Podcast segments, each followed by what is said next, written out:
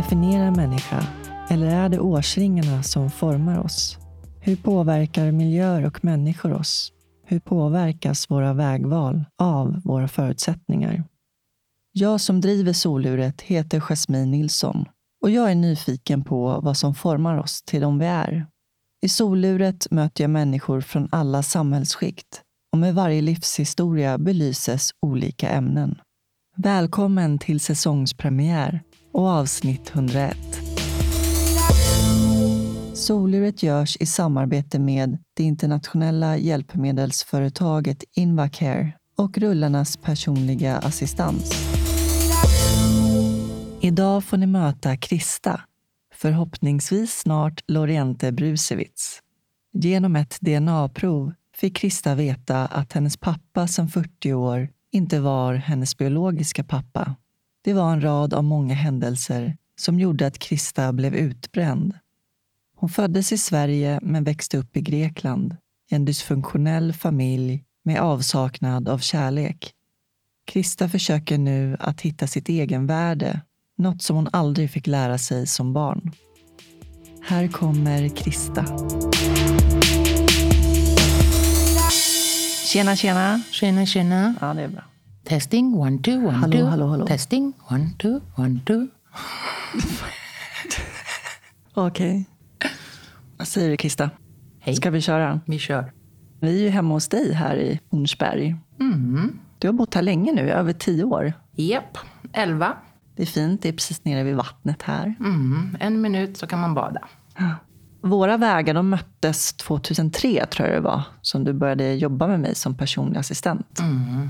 Och då kan vi tillägga att du sökte efter en assistent som pratar grekiska. Du, du sökte inte assistenter till dig själv. Det var så, va? Du sökte assistenter till Alex. Ja, just det. Jag sökte till Alex, men jag tog dig, eller hur var Ja, du tog mig. Ja, Alex är grek och vi var eh, ett par då. Och vi har en massa eskapader och en annan anekdot som vi kan också kanske dela med oss av. Ehm, Så vi är i alla fall, det var så våra vägar möttes. Ja, men vi har varit i, jag har gått igenom mycket med dig. Ja, det är en fin relation. Vi har varit med om ett och annat. ehm, så. Men eh, så kände jag att nu är det dags att ha med dig i soluret. Eh, Just för att ehm, den inre resan som du är på nu är så otroligt intressant. Att du börjar på något sätt landa i dig själv. Även om det har Oh, varit ja. väldigt mycket och sådär så känns det som att pusselbitarna börjar sakteligen falla på plats. eh, Även om det är tufft, Mm. såklart.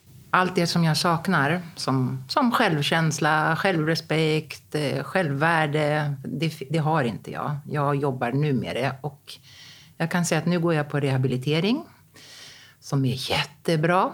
Och det är back to basics, basics verkligen. Så här, öva på medveten närvaro och vara snäll mot sig själv. Och jag har aldrig gjort det förut. Alltså så här, återhämta mig och ta pauser och tänka på min egen hälsa. Man bara, hur gör man det? Alltså, jag har aldrig gjort det. För att min barndom har, gjort, har, har format mig till att vilja göra alla nöjda. Den egenskapen, den som kanske var funktionell när man är liten. För Överlevnadsmekanism. Ja, det är en, är en överlevnadsmekanism. Men om du har kvar den i vuxen ålder, då blir det en dysfunktion. Just det. För att du sätter dig själv så lågt. Fast å andra sidan, alltså, hur ska man sätta sig högt när alla runt omkring en, när man växer upp, sätter en väldigt lågt? Så att nu jobbar jag och nu kan jag säga faktiskt med handen på hjärtat att jag känner ett självvärde för första gången i mitt liv. Och det är en vacker känsla.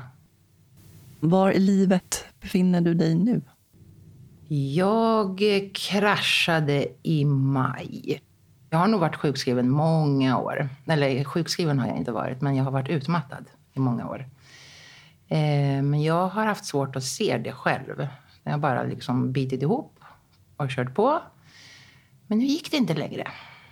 Alla andra runt omkring mig, liksom, terapeuter och parterapeuter och alla trodde att jag var utmattad och jag var liksom in denial. Jag bara, nej, det är jag inte. Men det var jag. För sen helt plötsligt så tog det stopp. Och det är där jag är nu. Så jag har varit sjukskriven ja, mer än ett halvår nu. Vad var det som hände när, du, när det tog stopp? Ja, vad var det inte som hände? Alltså de senaste åren, sen jag fick barn kan man säga, sen jag fick mitt andra barn, sju år sedan, eh, så fick min mormor ALS. Och den är ju inte så jättekänd den här sjukdomen, men den är horribel. Man ser ju verkligen människan tyna bort. Och fast den har kvar alla kognitiva egenskaper så kroppen lägger av sakta men säkert. Man kan inte svälja, man kan inte prata. Händerna förtvinar. Så att helt plötsligt så ligger man där liksom fängslad i sin kropp. Mm. Man kan inte röra sig, men man är jättepigg i huvudet. Och det är hemskt att se. Det är traumatiskt. Och din mormor var ju en person som liksom har betytt Exakt. enormt mycket min för dig. Min mormor har varit ja, min enda anknytning i livet. Eh, den personen som jag liksom har växt upp med och tytt mig till. Så man hamnar lite ur balans när den personen försvinner. Det vet ju du själv. Mm. Sen fick min närmaste person, kan man säga, den personen som jag spenderar varje helg, varje jul, varje nyår, det är Cesars moster. Hon fick i samma veva, eller hon hade bröstcancer, men det var liksom under kontroll. Men i samma veva som min mormor hade ALS så fick hon metastaser till lungorna, skelettet och magen och hjärnan. Så då var det liksom både mm, ALS och cancern. Så um, kände jag väl att jag inte hade någon familj kvar eftersom mina två närmaste personer gick bort på loppet av ett år. Eh, så då började jag nysta lite i mina kontakter bakåt. Och då tog jag kontakt med min farmor och eh, frågade om det finns möjlighet att vi kan komma och hälsa på henne med mina barn så att de också har någon farmor och mormor. Men det gick inte utan att vi skulle göra ett DNA-prov. För att min pappa då, som bröt kontakten med mig när jag var 15 eh, påstår att jag inte är hans barn. De bor bredvid varandra kan man ju också tillägga. Så att det skulle vara svårt för mig att ta mig dit utan liksom att ställa till med problem på grund av honom.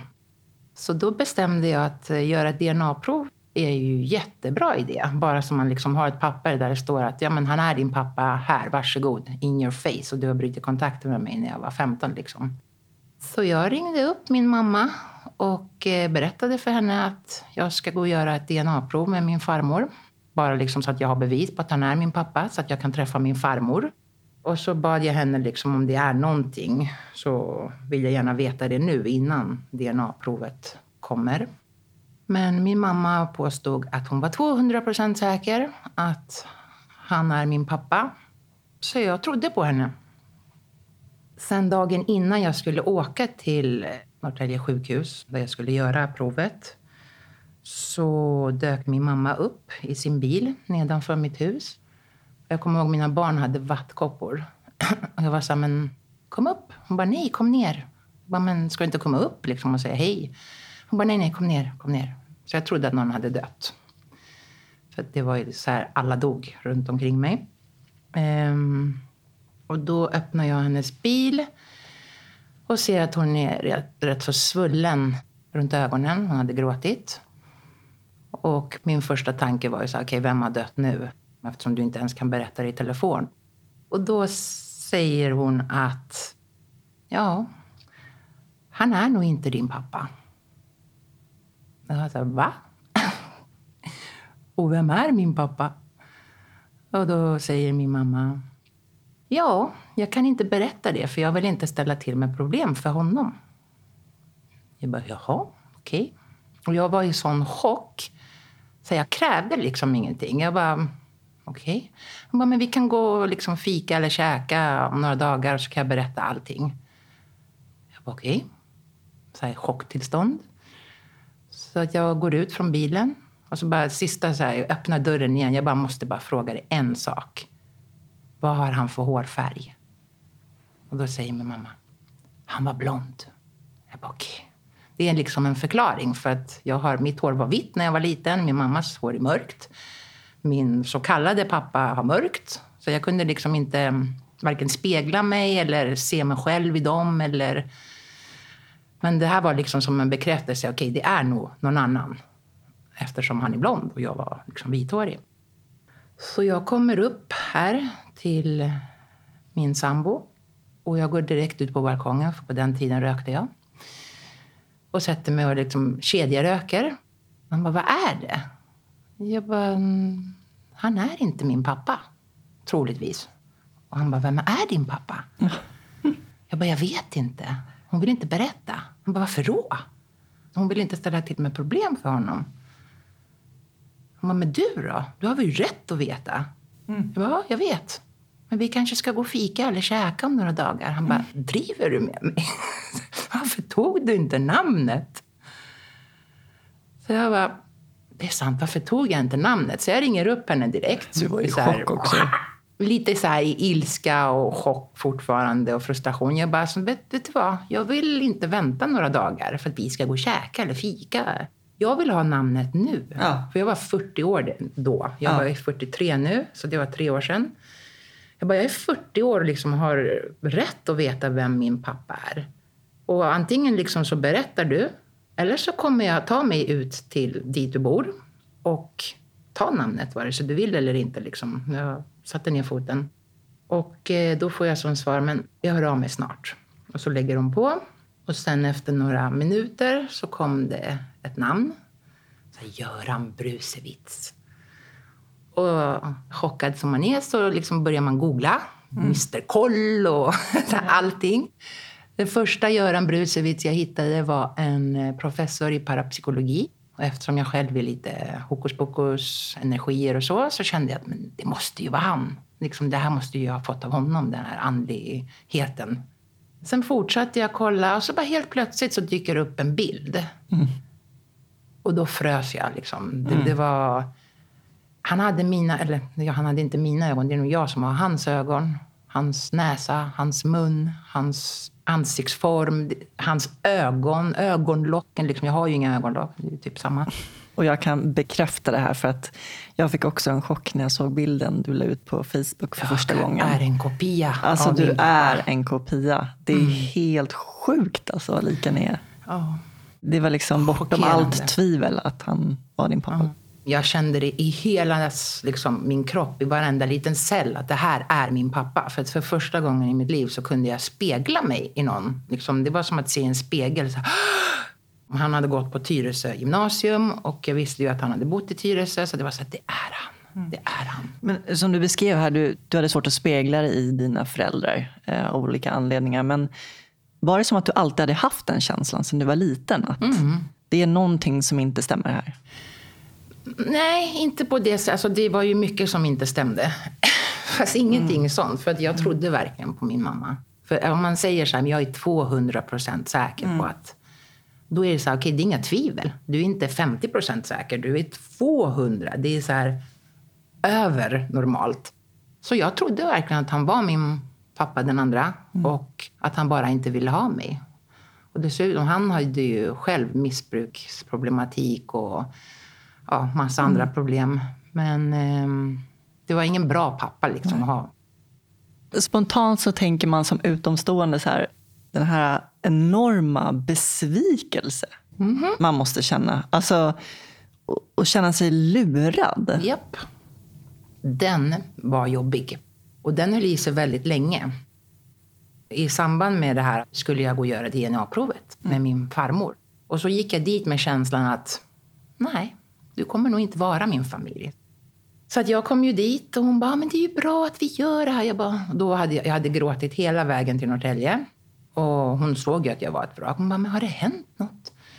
Jag bara, det är nog så att du inte är min farmor. Och då blev ju hon jätteledsen. Men vi hade ju ändå lite tvivel. Liksom. Det kunde ju också vara han. Så det var ju ingenting som var säkert. Och sen tog det två månader att få svaren från Rättsmedicinalverket. Så att de här två månaderna, då levde jag i något slags limbo. Jag var totalt oförmågan att göra någonting överhuvudtaget. Om det så skulle vara att gå och hämta mina barn eller klä på mina barn eller laga mat. Jag gjorde ingenting. Alltså ingenting. Jag Vaknade på morgonen, tog en lugnande tablett bara för att så här, dämpa ångesten. Jag kunde inte sova, jag tog sömntabletter för att sova. Jag började med antidepressiva för att jag åkte in i en rejäl utmattningsdepression. Så så höll jag på i två månader. Alltså jag var inte människa. Och jag kunde inte kontakta min pappa heller. Och jag hade ju ringt Skatteverket vid det laget och fått reda på vart min pappa bor. Att jag har en storebror som är två år äldre än mig. Och jag har en lilla syster som är två år yngre än mig. Så att jag förstod ju bara av det vad som hade hänt eftersom han var två år äldre och hon var två år yngre. Att jag var däremellan. Jag var väl någon fling. Och du hade ju ingen aning om, om han visste om att nej, du nej, jag fanns hade heller. ingen aning om någonting. Men eh, du, du fick namnet, du började googla, du såg bilden på honom. Svaret kom en fredag klockan fyra. Jag hade beställt svaret icke rekommenderat medan min farmor hade beställt det rekommenderat. Så jag fick det på fredag eftermiddag och det var så här, öppnade kuvertet och då står det att min farmor är min farmor till 0,0000003 procent. Och att det finns 99,99997 procent att hon inte är min farmor. Så det är liksom ingen besläktning överhuvudtaget. Om vi stannar upp där, vad kände du? Jag eh, kände, som du sa, jag kände mig förrådd. Det var lite mixkänslor. Alltså dels så får det bekräftat att den här människan som jag ändå inte har någon kontakt med eh, och som inte är en så trevlig människa som har gjort så mycket dåligt i sitt liv. Men samtidigt, det är så här spännande för jag har en storebror och en lilla syster eh, och en ny pappa. Och samma dag, mellan fyra och sex där, så gick jag fram och tillbaka, kallsvettades. Eh, Jag, hade typ svettdroppar i handflatorna av nervositeten. Jag gick in och ut på balkongen och bara, nu ska jag... jag hade hittat hans fasta nummer hem till honom. Och så, Hoppas han svarar, hoppas han svarar. Så jag ringer honom vid sex och säger, okej nu ringer jag. Var tysta! Shit, jag blir också så här skitnervös när du berättar det här. För det är bara liksom lever sig in i det. Och bara, ah, man har ingen aning om vad han vet och Nej, känner och tänker och Ingen- tycker. Han eller- kunde ju lika gärna liksom ha bara så här, "Ö, ursäkta du har ringt fel nummer. Eller hur? Vad gör man då? Jag var så, ska jag skriva brev? Och hur vet jag att han har fått det? Alltså det Och vad ska två man säga? månader, Hur vad ska man, man- säga? Så här, Hur ska man uttrycka? Ja. Klockan var sex, exakt sex. Alltså jag kommer ihåg det som att det var igår, det var tre år sedan. Eh, så att jag ringer och bara, hej jag heter så här och så här och du känner inte mig. Eh, och det här kommer låta jättekonstigt, men jag tror att du är min pappa. Så här, I ett andetag. Han hann bara säga, Göran. så jag bara, och han bara, äh. Han bara, oj. Jag bara, ja. Så här. Han bara, eh, vilken tur att jag sitter ner. Jag bara, eh, okej. Ja. Ah, Han blev ju jätteställd såklart. Ja. Eh, förståeligt. Eh, men så säger han, han bara, är det okej att jag ringer tillbaka till dig om typ 20 minuter? För att jag har just fått liksom en tallrik med stora eh, tigerräkor framför mig. Och eh, jag behöver nog smälta det här bara några minuter. Jag bara, ja, visst. Jag var så jättenervös. Så jag sitter på min säng, håller telefonen krampaktigt i handen och bara väntar på att han ska ringa tillbaka. Jag, jag var så chockad så att jag hade tre missade samtal nästa gång jag tittade i telefonen. Som jag liksom, fastän jag håller i telefonen och fastän jag väntar på ett samtal så bara, va? Han har ringt mig tre gånger. Ja, under den tiden så hade han ringt till mina syskon och berättat om mig. Eh, han hade ringt sin före detta fru och berättat om mig. Och mina syskon var jättenyfikna på mig och de vill undrade om de kunde få lägga till mig på Facebook. Och, och hans fru, nuvarande. Nuvarande fru. Mm. Och för mig, alltså den människan. åh. ja. Jag är så glad att ha fått en, en vettig extra mamma. Kan man säga så.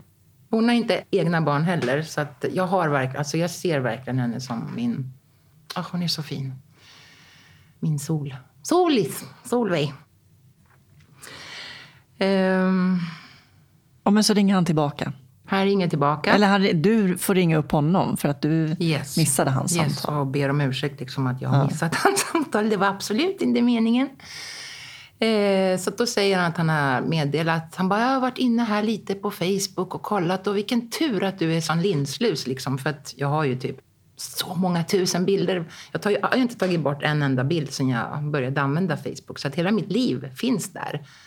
Så han har ju liksom kunnat följa mitt liv ja, sen Facebook startade på en halvtimme. Bara bläddra igenom och bara shit, det här är min dotter. Och, Ja, det, han måste ju också blivit chockad över hur lika ni är. mm, och min lilla syster började skicka så här bilder på honom och mig som hon har hittat på min Facebook. Som sa, men titta, ni är ju kopior. Alltså den känslan måste ändå vara att liksom direkt få en acceptans. Att han, liksom, han accepterar dig som sin dotter och Mm. Oh, liksom öppnar sitt hjärta för dig. Japp. Alltså i början, vi pratade, ja, vi pratade hela dagarna. Lyckan av att tillhöra någonstans och att bli... Alltså de tog emot mig med öppna armar. Då menar jag alla. För att sen visar det sig att jag har farmor och farfar liv. Jag har en faster. Jag har två farbröder. Några veckor efter att jag träffade pappa så ordnade de en släktträff. Så att alla kusiner och farbröder och vi åt hemma hos min farmor och farfar. Men det var så roligt det du berättade, för ni har ju så otroligt många likheter visar det sig. Och det är inget så önsketänkande utan det är verkligen på riktigt. Han lyssnar på Exakt. klubbmusik! Trans! Det var det jag var helt chockad över när du berättade sist där, att eh, du satt i bilen och Mm. Han satte satte på, på trance. mina låtar. Man bara... Eh, Och han är 60 plus. han är 70. närmare 65. Nej, vi lyssnar på exakt samma musik. Alltså, vi har samma så här lite... Mm, skriver ner saker. Eh, och det är samma med min syster och min bror. Liksom. Hur stark är genetiken? För min bror, han är, mm, han är proffs på allt som har med brädor att göra. Jag älskar wakeboard. Han är proffs på det. Surfa, skateboard, allt det där. Han jobbar med IT, vilket jag var på väg in i. Min lilla syster är tillsammans med en spansktalande, som även jag är, och jobbar på förskola, som även jag gör. Så då är det så här, vad är genetiken? Vad är miljö? Jag tror att genetiken är så mycket starkare än vad man tror. Och sen gick dessvärre min yngsta farbror bort bara någon månad efter. Vilket var jättefrustrerande. Alltså dels att han gick bort så ung. Men dels så kände inte jag dem tillräckligt väl för att känna mig att jag kan ta plats i deras sorg liksom, utan att bli för mycket. Det här är ju mina hjärnspöken såklart. Men jag har en så här issue att jag inte vill... Jag har så jättejobbigt att känna att jag blir för mycket eller tränger mig på. Det har liksom med mitt självvärde och min självkänsla att göra. Och jag tänker backa tillbaka igen här. Ja. Och, eh, jag tror många är nyfikna på hur det var första gången som du träffade din pappa. Uff. Det var magiskt. Jag, eh, min pappa bor i Nynäshamn i Ösmo. Så vi hade bestämt första gången vi skulle ses att jag skulle åka dit själv och liksom käka middag med dem och lära känna dem. Så jag hoppade på pendeln. Eh, och även där, hela vägen från Kungsholmen till Ösmo så hade jag som fotsvett och handsvett. Jag har, som sagt, det kom droppar från mina handflator. Jag Bara, så nervös. Jag har aldrig varit så nervös i hela mitt liv. Jag hoppar av i Ösmo och då hade vi bestämt att han skulle komma och hämta mig därifrån. Så hoppar jag av pendeltåget och går upp. Eh, och så står han precis vid parkeringen där utanför tågstationen med en ros i handen, rund och god. Oh, han kommer slå mig för att jag sa det där. Men han är rund och god. och vi bara tittar på varandra och liksom bara... Gud, vad vi är lika! Säger jag och bara trycker mig in i hans famn. Och där stod vi ett bra tag med tårarna i ögonen. Och sen såklart när vi åkte hem till honom, för det var ändå en 15 minuters bilväg. Det är så här konstigt, jobbigt, lite nervöst. För man känner inte varandra även om vi liksom... Visst, jag har kommit ut från din pungkula tänkte jag. Men vi känner inte varandra. Så då började han berätta om att vi tillhör ätten Sadelfast. Berätta om vår familjs historia. Och så kom vi hem och där träffade jag hans fru som springer gråtandes ut ur huset och bara Alltså, ni är så lika! Ni är så lika och jag är så glad att ni har hittat varandra. Så här. Nej, det var magiskt. Mm. Det var, uff, det var en, ett väldigt fint första möte. Nej, man vill ju inte gå därifrån. Det låter som en filmscen. Ja, det skulle kunna vara det. Mm. Vi åt jättegod mat och vi satt ute och de bor så fint liksom över vattnet. Så att, ja, vi satt där och de fick höra lite hur min barndom har varit. Och det var väl tungt för dem att höra att man, jag kanske inte har haft det så himla bra. Eh, men han hade ingen aning. Någon gång 1994 så var det någon tjej som kom till honom och sa att du har en dotter i världen. Han var så här, va? Och han bara, jag har inte varit med så jättemånga kvinnor så jag liksom började luska lite och den enda kvinnan jag inte hittade var din mamma för min mamma hade ju flyttat till Grekland. Det kanske inte ens är sant liksom och om jag har en dotter så kommer hon ju dyka upp. Och det var 94 liksom, jag dök upp 2019. För när du ringde honom, mm. då sa väl du att vem du är dotter till, alltså ja. med din mamma och så. Ja. Och då ringde det väl några klockor ja. hos honom? Och det var därför, liksom, efter 20 minuter, att vi la på luren. Vi har ju inte pratat så mycket, jag och han. Nej. Men han har ju redan gått till mina syskon och berättat att jag har. Så han mm. trodde ju på mig. Och då kan det vara den där ringklockan, den där tjejen mm. som sa det. Men sen det hemska i det här hela är att jag är om jag ska säga 100% säker, kan jag inte vara aldrig någonsin, men jag kan vara 95% säker att jag tror att min före detta pappa, jag tror att han visste att jag inte var hans dotter. Och att han skrev på faderskapspappret bara för att jävlas. För att han hade fått reda på att min mamma hade varit otrogen. För att han satt tydligen i fängelse då. Och min mamma var på en fest och träffade Göran. De träffades några gånger till och med. Och sen så fort han kom ut från fängelset så berättade min före detta pappas bästa kompis till honom att din tjej har varit med honom.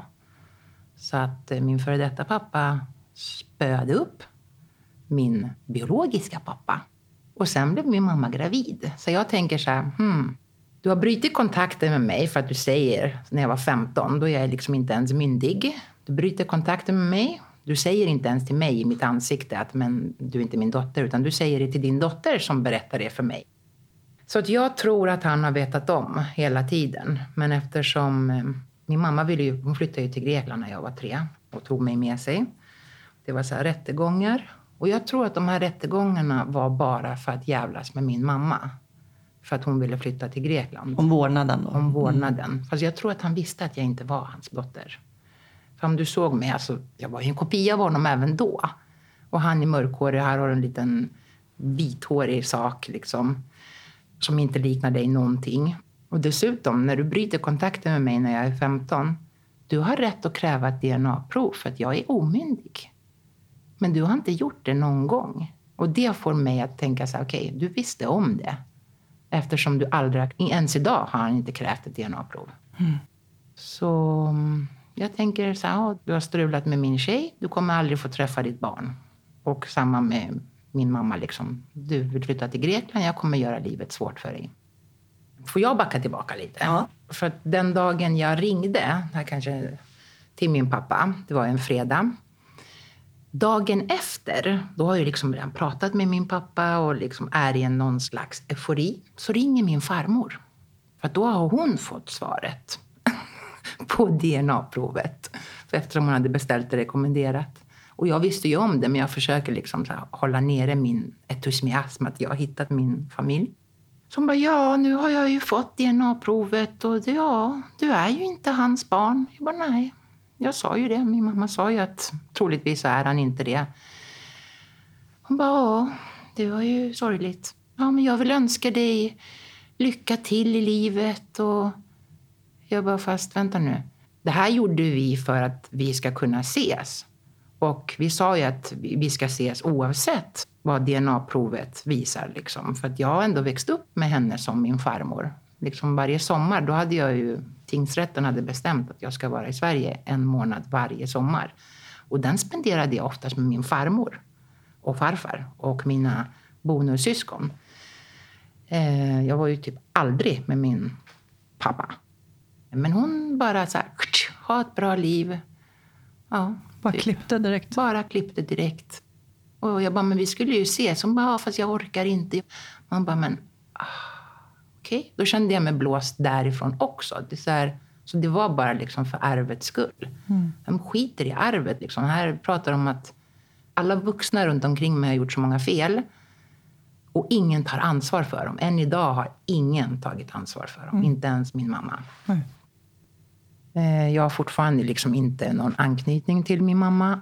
Men um, hon är min enda rot till min barndom.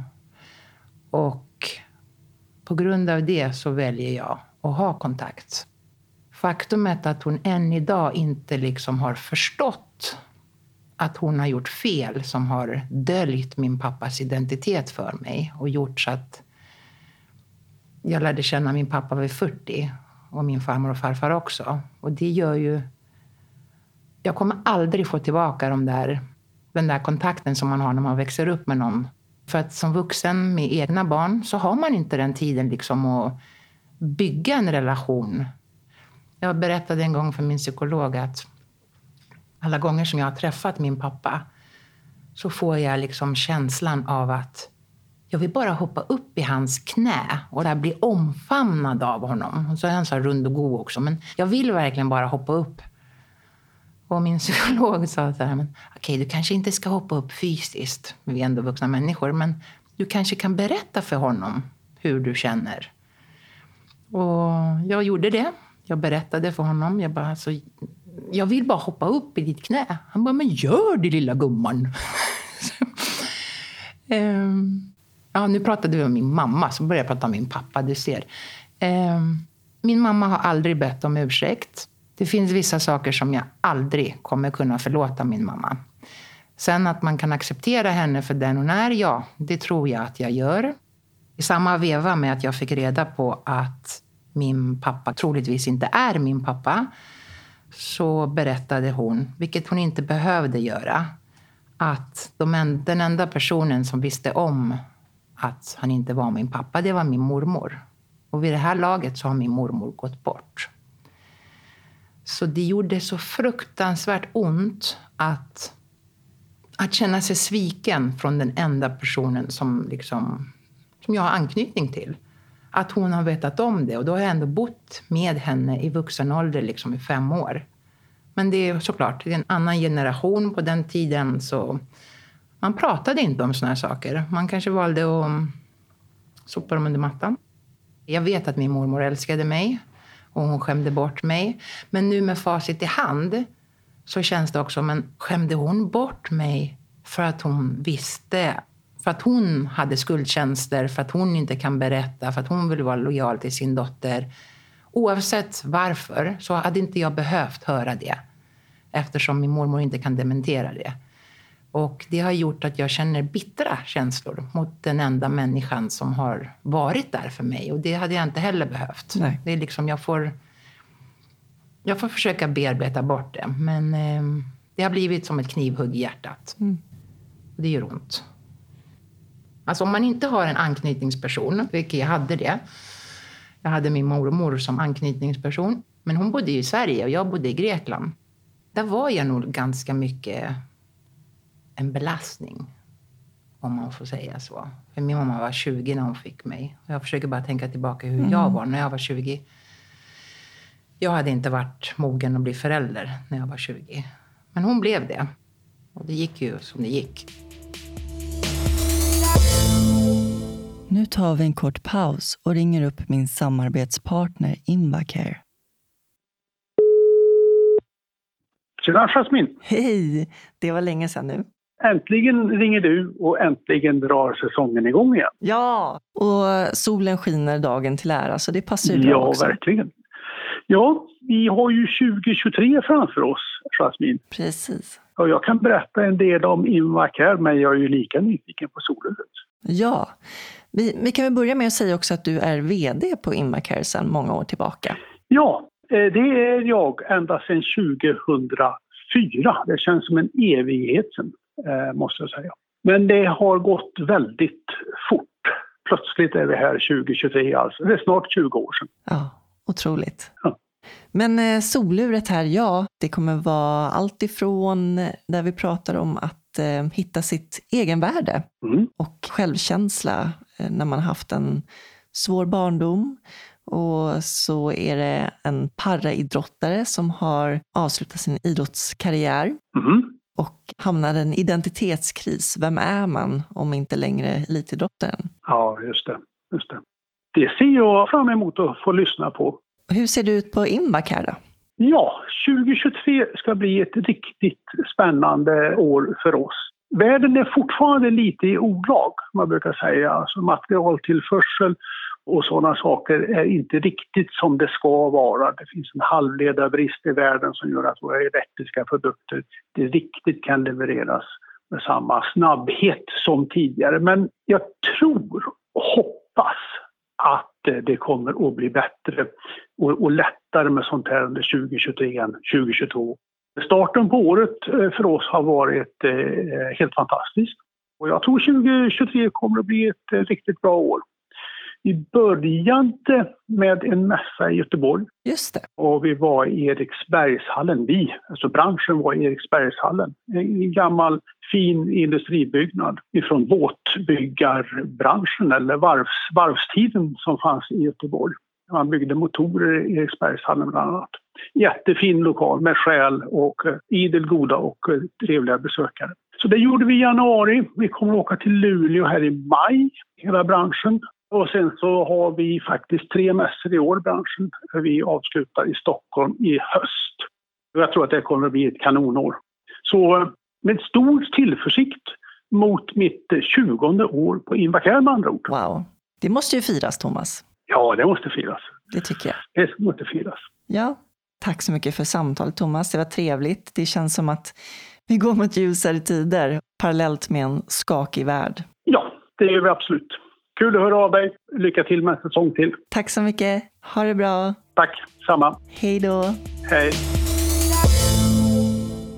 Jag tycker att vi, som jag brukar säga, vi tar det från början. Mm.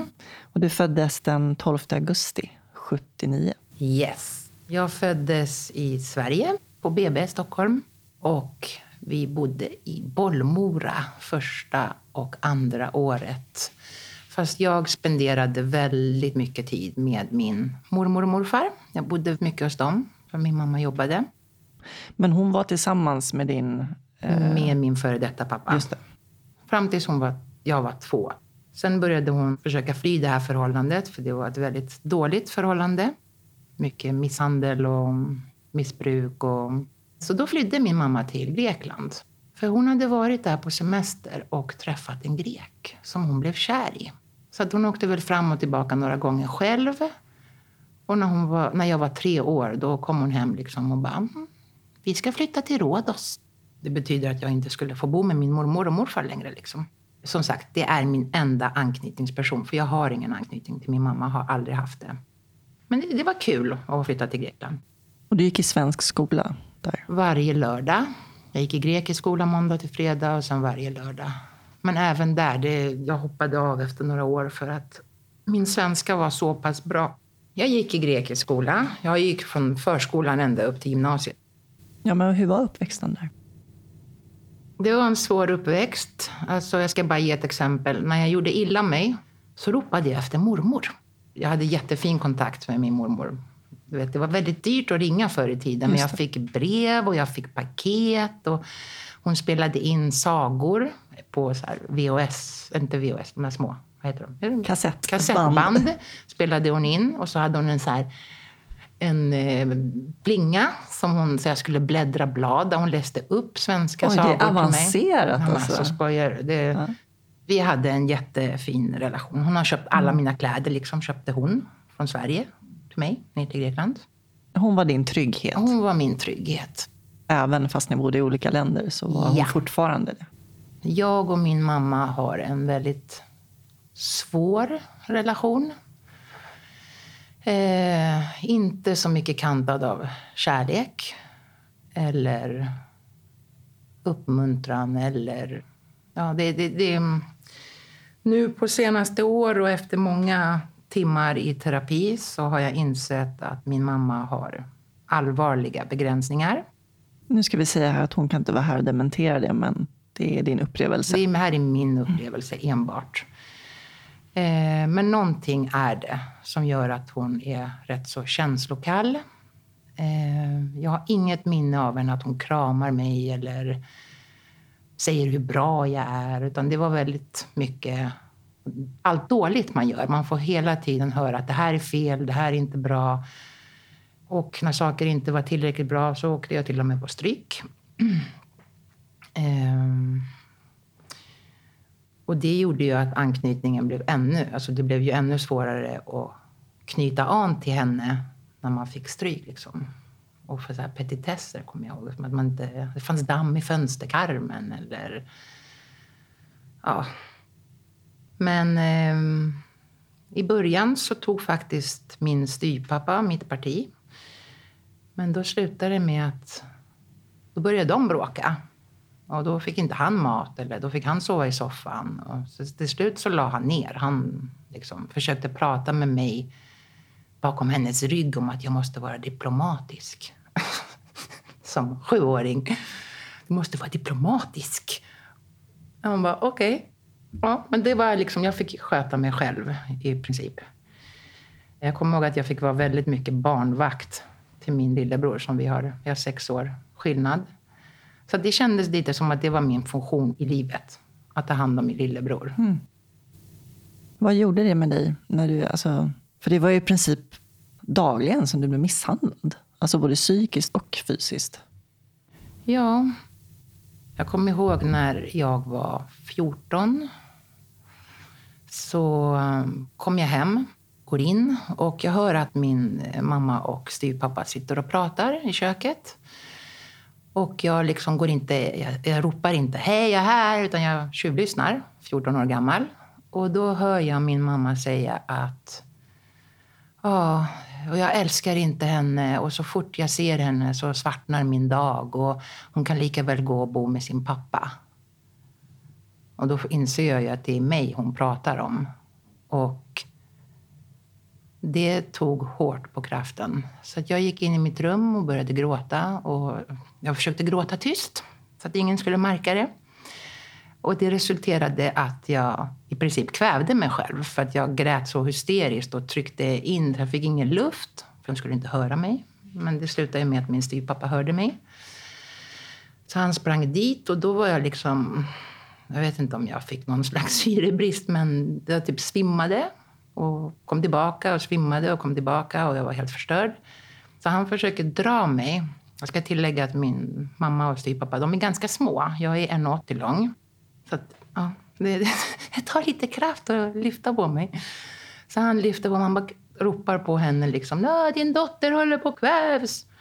Och jag har bilden liksom när jag öppnar mina ögon att jag ser att hon sitter i köksbordet och bara så här röker och är iskall. Och det gör ont. Det gör ont, men jag har väl kommit till en viss acceptans att jag kommer aldrig få det jag behöver av min mamma. Så det, då behöver man liksom släppa det och gå vidare och vara glad för det man har istället. Sorgen i det här är att jag har haft världens mest fantastiska mormor. Och jag har två barn. Och deras farmor gick bort nyligen. Och jag ser inget intresse från min mammas håll. Liksom. Hon, har, hon har varit barnvakt två gånger. Min son är nio. Så jag ser inget intresse. Men sen ska jag tillägga att visst, hon har sina egna hälsoproblem. Hon har KOL, hon har lungemfysem och hon är väldigt trött. Och... Men det är en sorg. Och det, det gjorde jätteont att höra att ens egen mamma inte älskar en. Eller att så fort hon ser mig, att det svartnar för hennes ögon. Och det kan jag liksom med facit i hand, för att det, det är den känslan jag har fått i mitt liv. Liksom. Att min mamma, så fort hon ser mig, då blir hon så här, ah! Som att jag skulle vara en påminnelse av den misshandeln hon har gått igenom med min före detta pappa. Mm. Jag blev liksom en påminnelse, en negativ påminnelse. Och tänkte då, om du är 20 bast, 23, är kär, nykär, flyttar till Grekland, ta med dig din påminnelse från förra relationen in i ett nytt förhållande. Och du är inte så pass mogen i hjärnan så att du liksom kan hantera saker. Men um, hon hade bestämt att jag aldrig ska få reda på det. Mm. Och då var det inte ens min pappa. Men hon skickade mig till honom varje sommar, en månad. Och varannan jul. Fastän hon visste. Och det har jag svårt att... Mm. Som mamma har jag svårt att förstå hur man... För jag, jag, är helt hundra på att hon berättar sanningen när hon säger att hon är livrädd för min före detta pappa. För att jag vet att han har gjort illa många människor. Mina barn är det värdefullaste som finns för mig. Mm.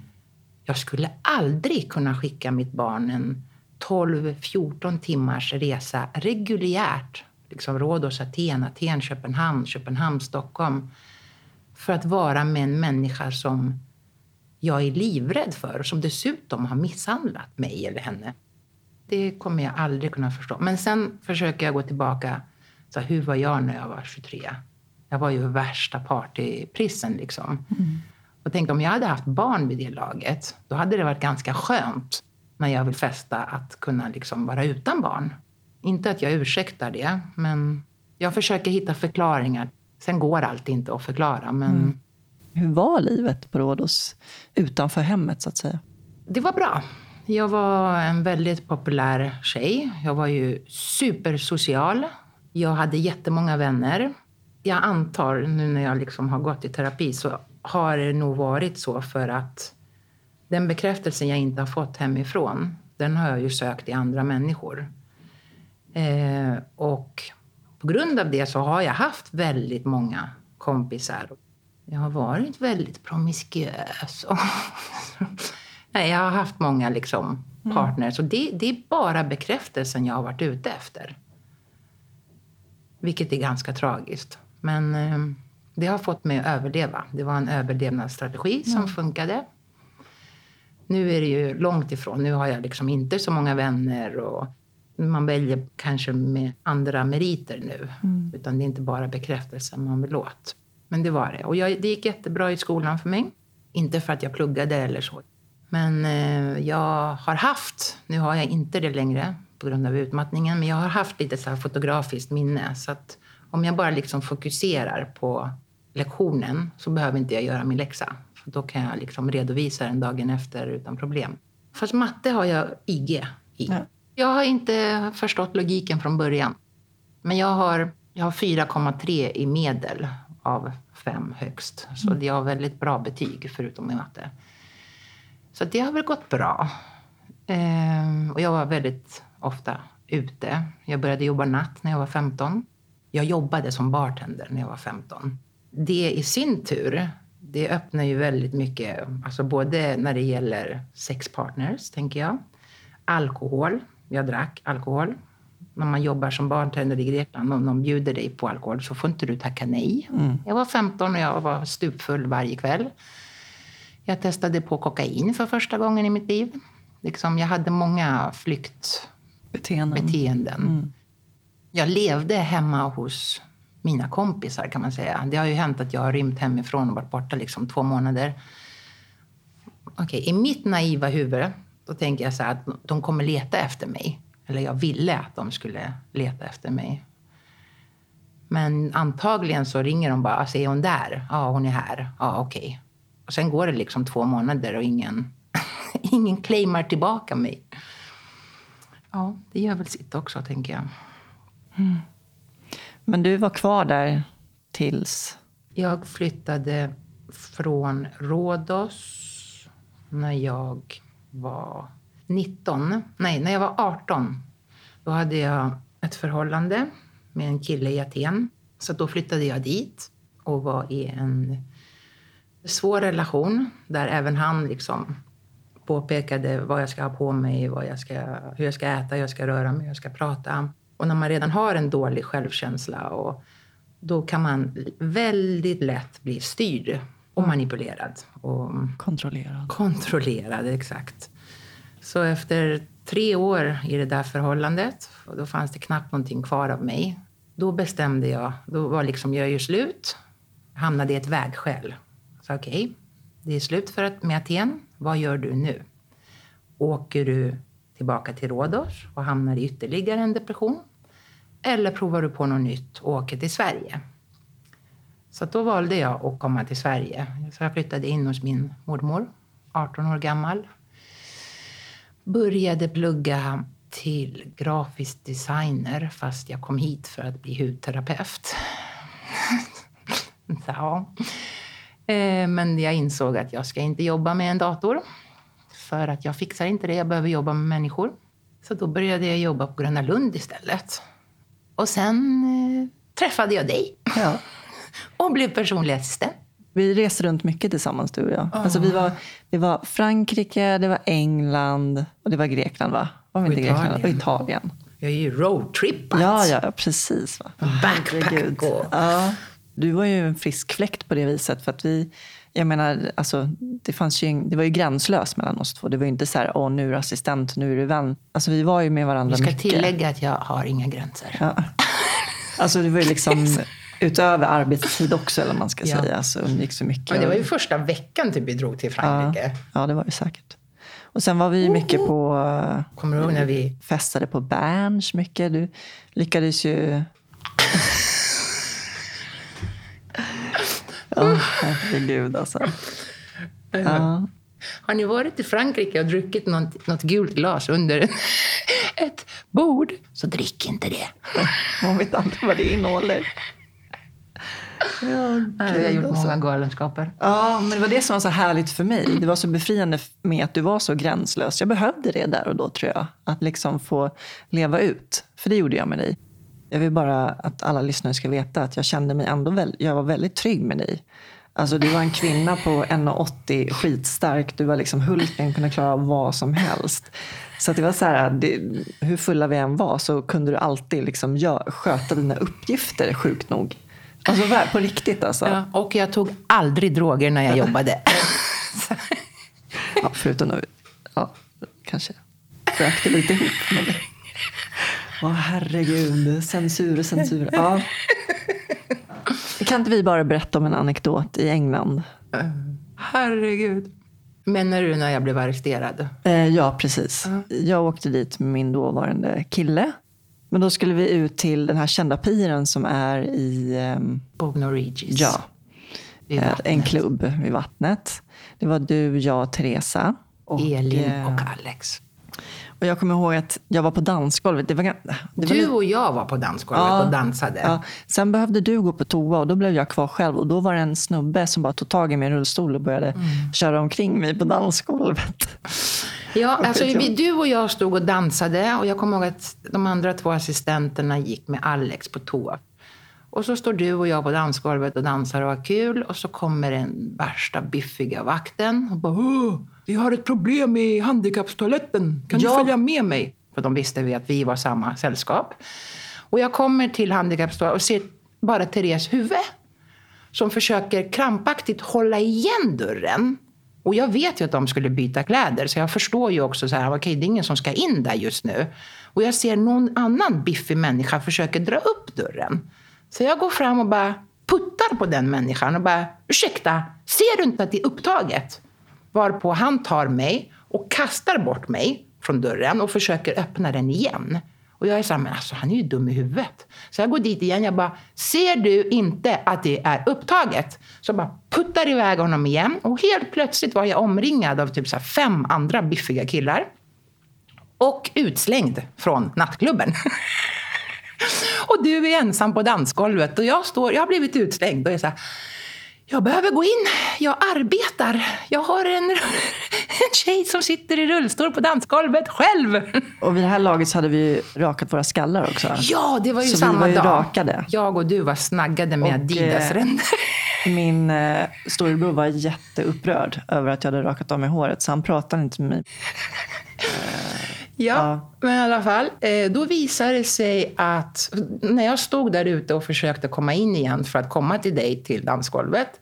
Så de sa, nej, nej, du har puttat på managern. Jag bara, va? Nej, jag har inte puttat på någon upprep, manager. De upprepar det om och om igen. Mm. Du har puttat på manager. Du får inte, jag bara, men jag arbetar. Han visade inget identitetskort, liksom att han är managern. Jag såg bara en biffig engelsman försöka rycka upp toalettdörren när jag vet att mina kollegor och Alex är inne på toaletten. Så jag blev i alla fall utslängd och vägrade gå därifrån. För de ville att jag skulle lämna piren också. För det. var en privat... Eh, jag fick inte ens stå där. Jag bara, men jag har min väska. Min... Jag ska säga att det är december. Eh, det är skitkallt. Snaggat hår, liksom ingen mössa. En linne, kort, kort, kort kjol och så här goa ben, så pälsfötter som man hade när man var raver Ja, precis. tiden. Rave, rave-look var det. Mm. Det var rave-look, men väldigt Och jag kallt. hade bombajacka, kommer jag ihåg. Ja. Och skallar. Och Och, vi är inte rasister. det är vi verkligen inte. Men i alla fall, eh, de ville prompt att jag skulle gå därifrån för jag hade puttat på managern och jag försökte förklara. Eh, för det var ändå de som ropade mig Mm. från dansgolvet. Liksom. Jag hade ju ingen kontakt med dig längre. Du stackarn blev ju Jag nästan... vet inte hur jag kom ut. Nej men alltså det var ju hemskt. Du hade en full engelsman som typ satt på dig och körde dig runt på dansgolvet. Och, nej, hemskt. Men i alla fall, de, jag vägrade gå. De ringde polisen. Det kommer en poliskvinna, hon vill inte lyssna på mig. Jag försöker förklara för dem att jag jobbar. Det har skett ett missförstånd. Jag dansade på dansgolvet och ni sa till mig att jag ska gå till handikappståen. Och jag såg någon försökte öppna dörren. Ja, och jag kunde inte tillåta det eftersom han kunde ha varit naken där inne. Det, det Ehm. roliga var ju att de var ju typ hälften så långa som du. Ja, de var hälften så långa. Elin skulle spola och hon hade ju dragit i något ljudlöst larm. Så att de tänkte att det är någonting som händer i toan. Så att de, liksom, det har gått ett larm från handikappstoan. De försöker ta sig in. De som är inne försöker hålla de andra ute. Så det var ju verkligen ett missförstånd. Men det slutade med att jag vägrade gå därifrån. Och de försökte ta bort mig därifrån från den här piren med våld. Och då, Men då var jag där, för jag kommer att jag såg Ja. det att de drog ner dig Ja. På marken. Och du bara, ser du det här Jasmin? Ser du vad de gör med mig? Liksom. De försökte, eller först stod du helt still när de försökte dra ner de dig. försökte dra ner mig med två personer, men de kunde inte. De ville att jag skulle liksom ge dem handbojorna bakom. Jag sa, arrestera mig då. Här, arrestera mig. Och så försökte de så bända mig. Och jag är ju så himla vik, så att jag kunde ju liksom bara röra på mig. Men sen så drog den ena tjejen bara benen liksom under benen. Och bara, så jag bara hamnade framför hela kön med handbojor. De satte mig i en polisbil. Men jag ville ju att eh, de skulle arrestera mig också. Det var ju det. De jag, blev ju, jag blev förbannad när de bara tog dig. För jag tyckte liksom, Vad har jag gjort? Det är inte bara du som är svarta fåret i det här dramat. Liksom. Bara, you have to arrest me too. Du vet, så här. De bara ignorerar mig. Jag bara, arrest me too. Och så, bara, så frågade jag så här, ah, vad, vad måste jag göra för att den ska arrestera mig? Ja, men du har inte svurit eller Ja, något sånt där, sa de. då när de försökte brotta ner mig, de- var ju så här lite hårdhänta. Jag bara, så don't touch me you De bara, if you swear again you're gonna get arrested. Jag bara, och så bara, Och då började jag också svära då. Liksom. Arrest me too you.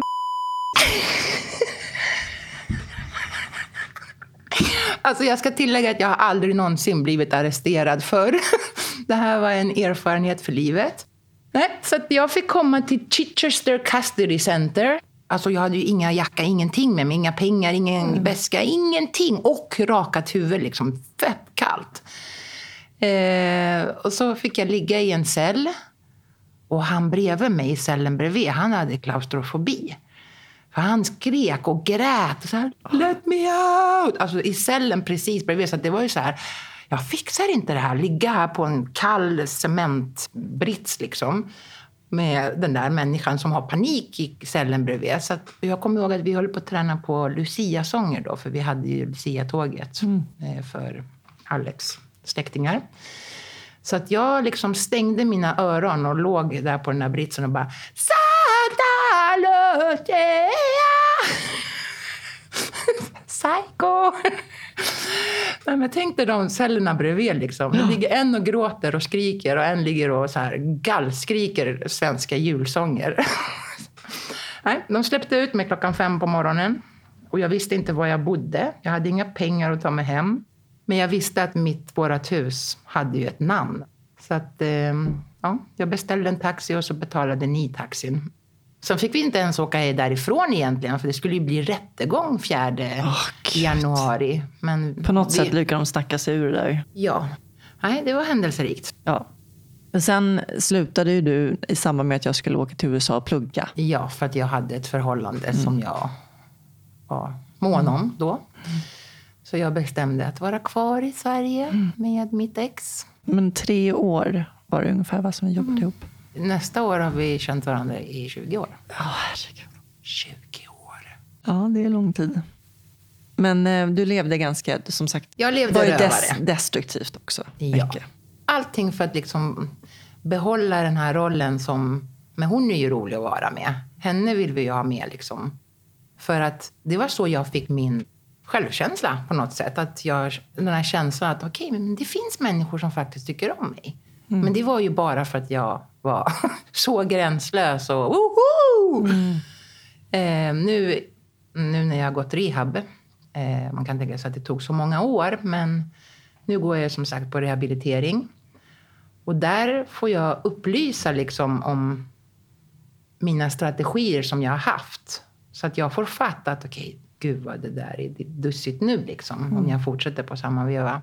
Alltså, det låter, det var destruktivt, men just då såg jag inte det som att det var destruktivt. Det är nu, när jag vet varför jag gjorde det, liksom, som jag förstår att jag var destruktiv. Jag hade jättekul. Jag åkte kryssningar och reste och lyssnade liksom på min musik, klubbmusik, house och trance. Och hade många vänner. Sen där 2010 lugnade jag ner mig. Och det var för att jag träffade Caesar. Och sen dess har jag varit lugn i 12 år. Berätta hur ni träffades. Vi jobbade på samma restaurang faktiskt. Eh, Jag jobbade lunch och han jobbade kväll. Han var personalansvarig. Eh, Det var jag som hade intresse för honom, inte tvärtom. Och det brukar, jag är så van att få liksom åt andra hållet, att jag får uppmärksamhet. Men den här gången, han uppmärksammade inte mig ett dugg.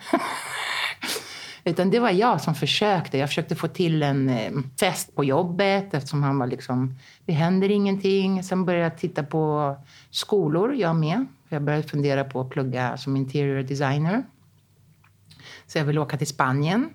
Så jag hade beställt kataloger till olika skolor i Spanien och så bara Ursäkta, kan inte vi bara träffas, du och jag, och gå och ta några öl så att du kan berätta vilka skolor som vart jag ska åka någonstans. Ska jag åka till Alicante, ska jag åka till Barcelona eller Malaga? Eller... Ja, och han gick med på det. Vi gick ut. Jag tog inte med mig några kataloger. Det blev inget Spanien. Men eh, sen den dagen vi gick ut, vi kom hem klockan sex på morgonen. Vi hamnade på någon efterfest och sen sa han men du kan få sova hemma hos mig i min 90-säng. Okej Okej då. och sen dagen efter skulle jag jobba klockan nio. Sen den dagen sågs vi inte för att jag var helt knockad. För han jobbade ju ändå kväll så han, hade ju, han kunde ju sova. Och sen dagen efter sågs vi igen och sen den dagen har vi sovit ihop. Så vi har typ inte varit, knappt varit borta från varandra på 12 år. Nej. Jag tror att jag har hittat min själsfränder.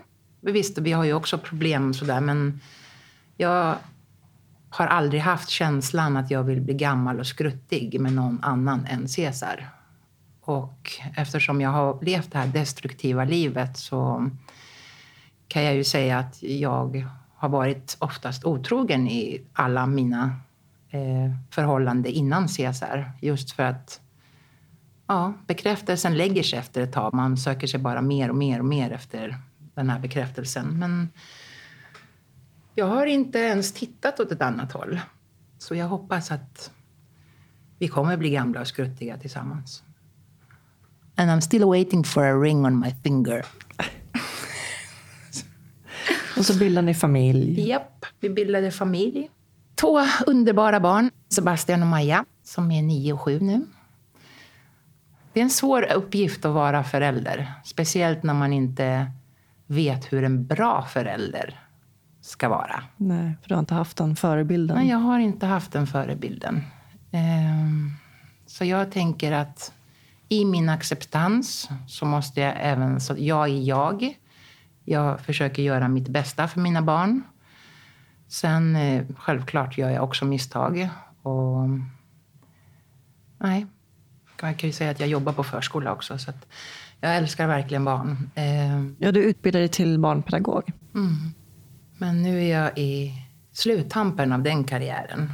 För att på grund av min utmattning så har jag insett att det här är inte ett jobb jag kommer kunna göra i framtiden. Så man kan nästan säga att vi har en tyst, tyst överenskommelse med min chef att jag bara ska göra min rehab och sen ska jag söka mig vidare till någonting annat som jag fortfarande måste komma på vad jag vill göra. Jag pendlar mellan rörmokare och barnmorska. Ja.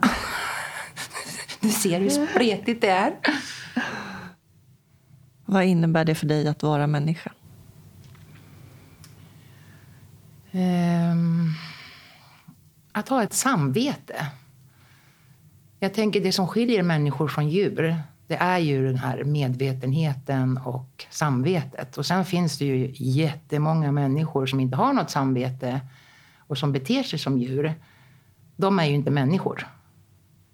Så jag tror att den här ja, medvetenheten som vi har och att vi bryr oss om, fast det gör ju djur i och för sig också, men att man inte gör det som man inte vill att någon annan ska göra till en. Att vi har den så pass medveten hjärna så att vi kan göra så.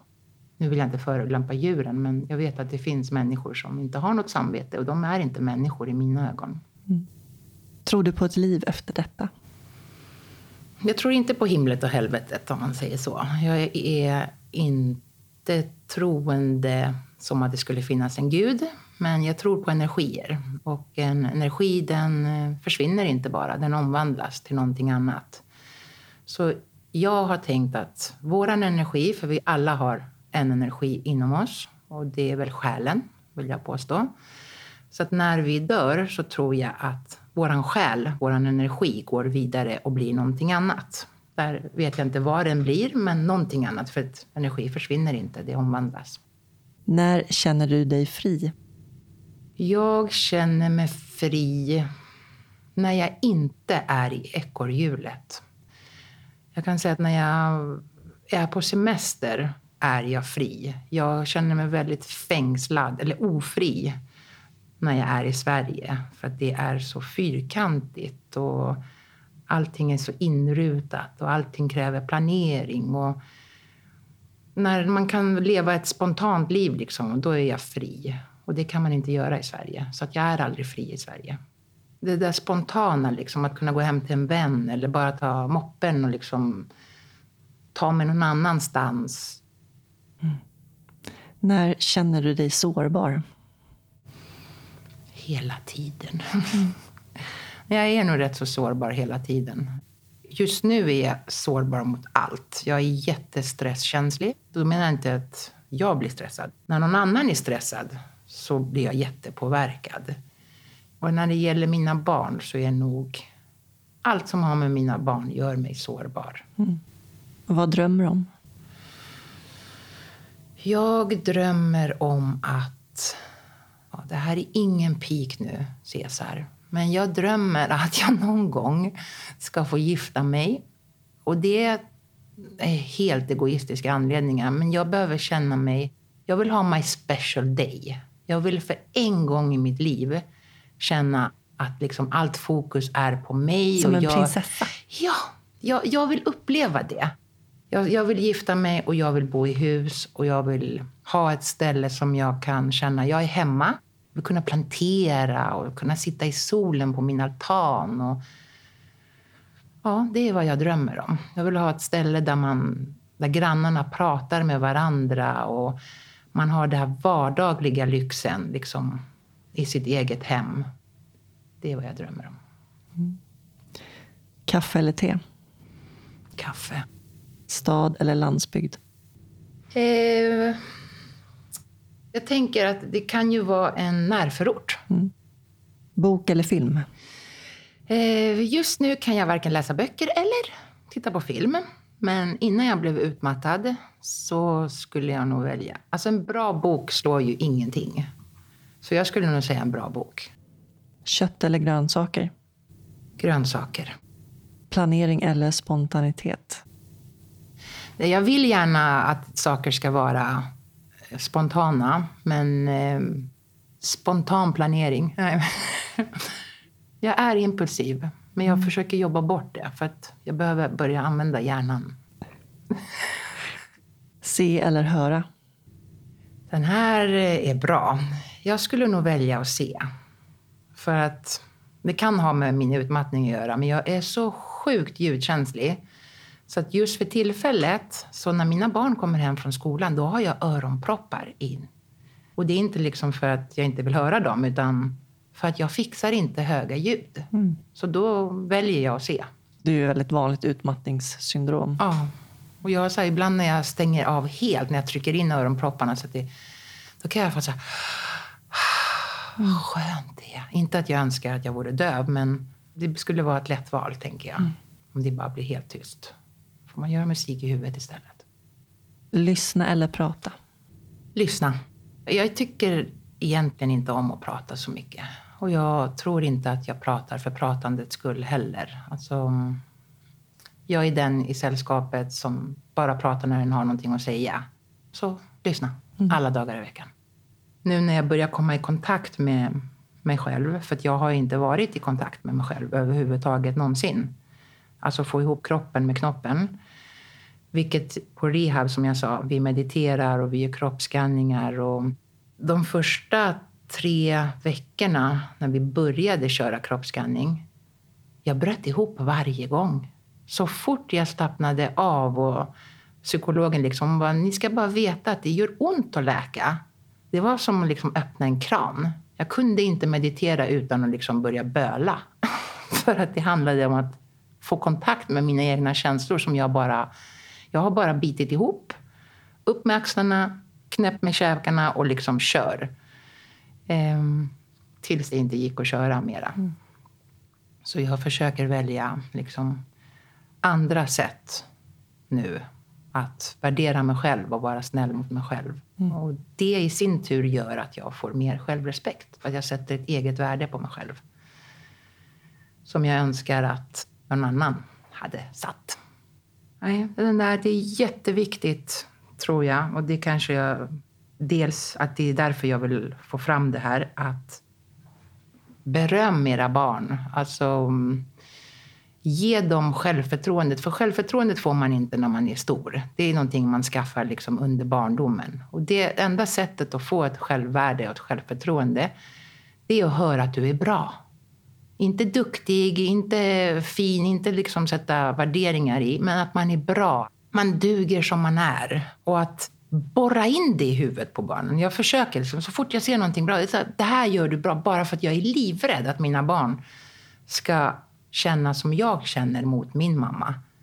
Det, det, skulle vara min absoluta mardröm. Att jag gör så många fel så att de inte liksom har någon anknytning eller har någon kontakt med mig. Det, det känns faktiskt osannolikt. Ja, hoppas det. Nej, jag behöver jobba med hela mig och det tar tid. Mm. Och jag behöver ha tålamod. Och, för den här utmaning, utmaningen, utmattningen är en utmaning för ja. att jag behöver liksom agera på alla sätt som jag inte har agerat någonsin i hela mitt liv. Och försöka få fatt vilka, vilka mönster jag har som har blivit en dysfunktion som kanske var en överlevnadsinstinkt i början. Och nu har jag ju en stor familj. Och nu ska jag ju flytta nära min nya syster. Nya syster alltså. Min, min enda syster. Jag älskar min nya familj. Mm. Det tycker jag blir ett jättefint avslut mm. på det här avsnittet. Tack så jättemycket Krista för att du delade med dig av ditt liv i soluret. Och tack för att jag fick vara med och upplysa hur viktigt det är med bra självkänsla. Puss och kram. Puss och kram. Älskar dig. Älskar dig. Tack till min huvudsamarbetspartner Invacare. För mer information om Invacare och deras hjälpmedelsprodukter kan du gå in på invacare.se. Och tack till Rullarnas personliga assistans. Rullarnas vision är att man ska kunna leva ett så oberoende liv som möjligt trots sin funktionsnedsättning. Mer information finns på rullarnas.se och ni kan följa dem på Instagram. I nästa avsnitt får ni möta Mikael Fredriksson. Mikael är för detta parasimmare som vunnit otaliga mästerskapsmedaljer.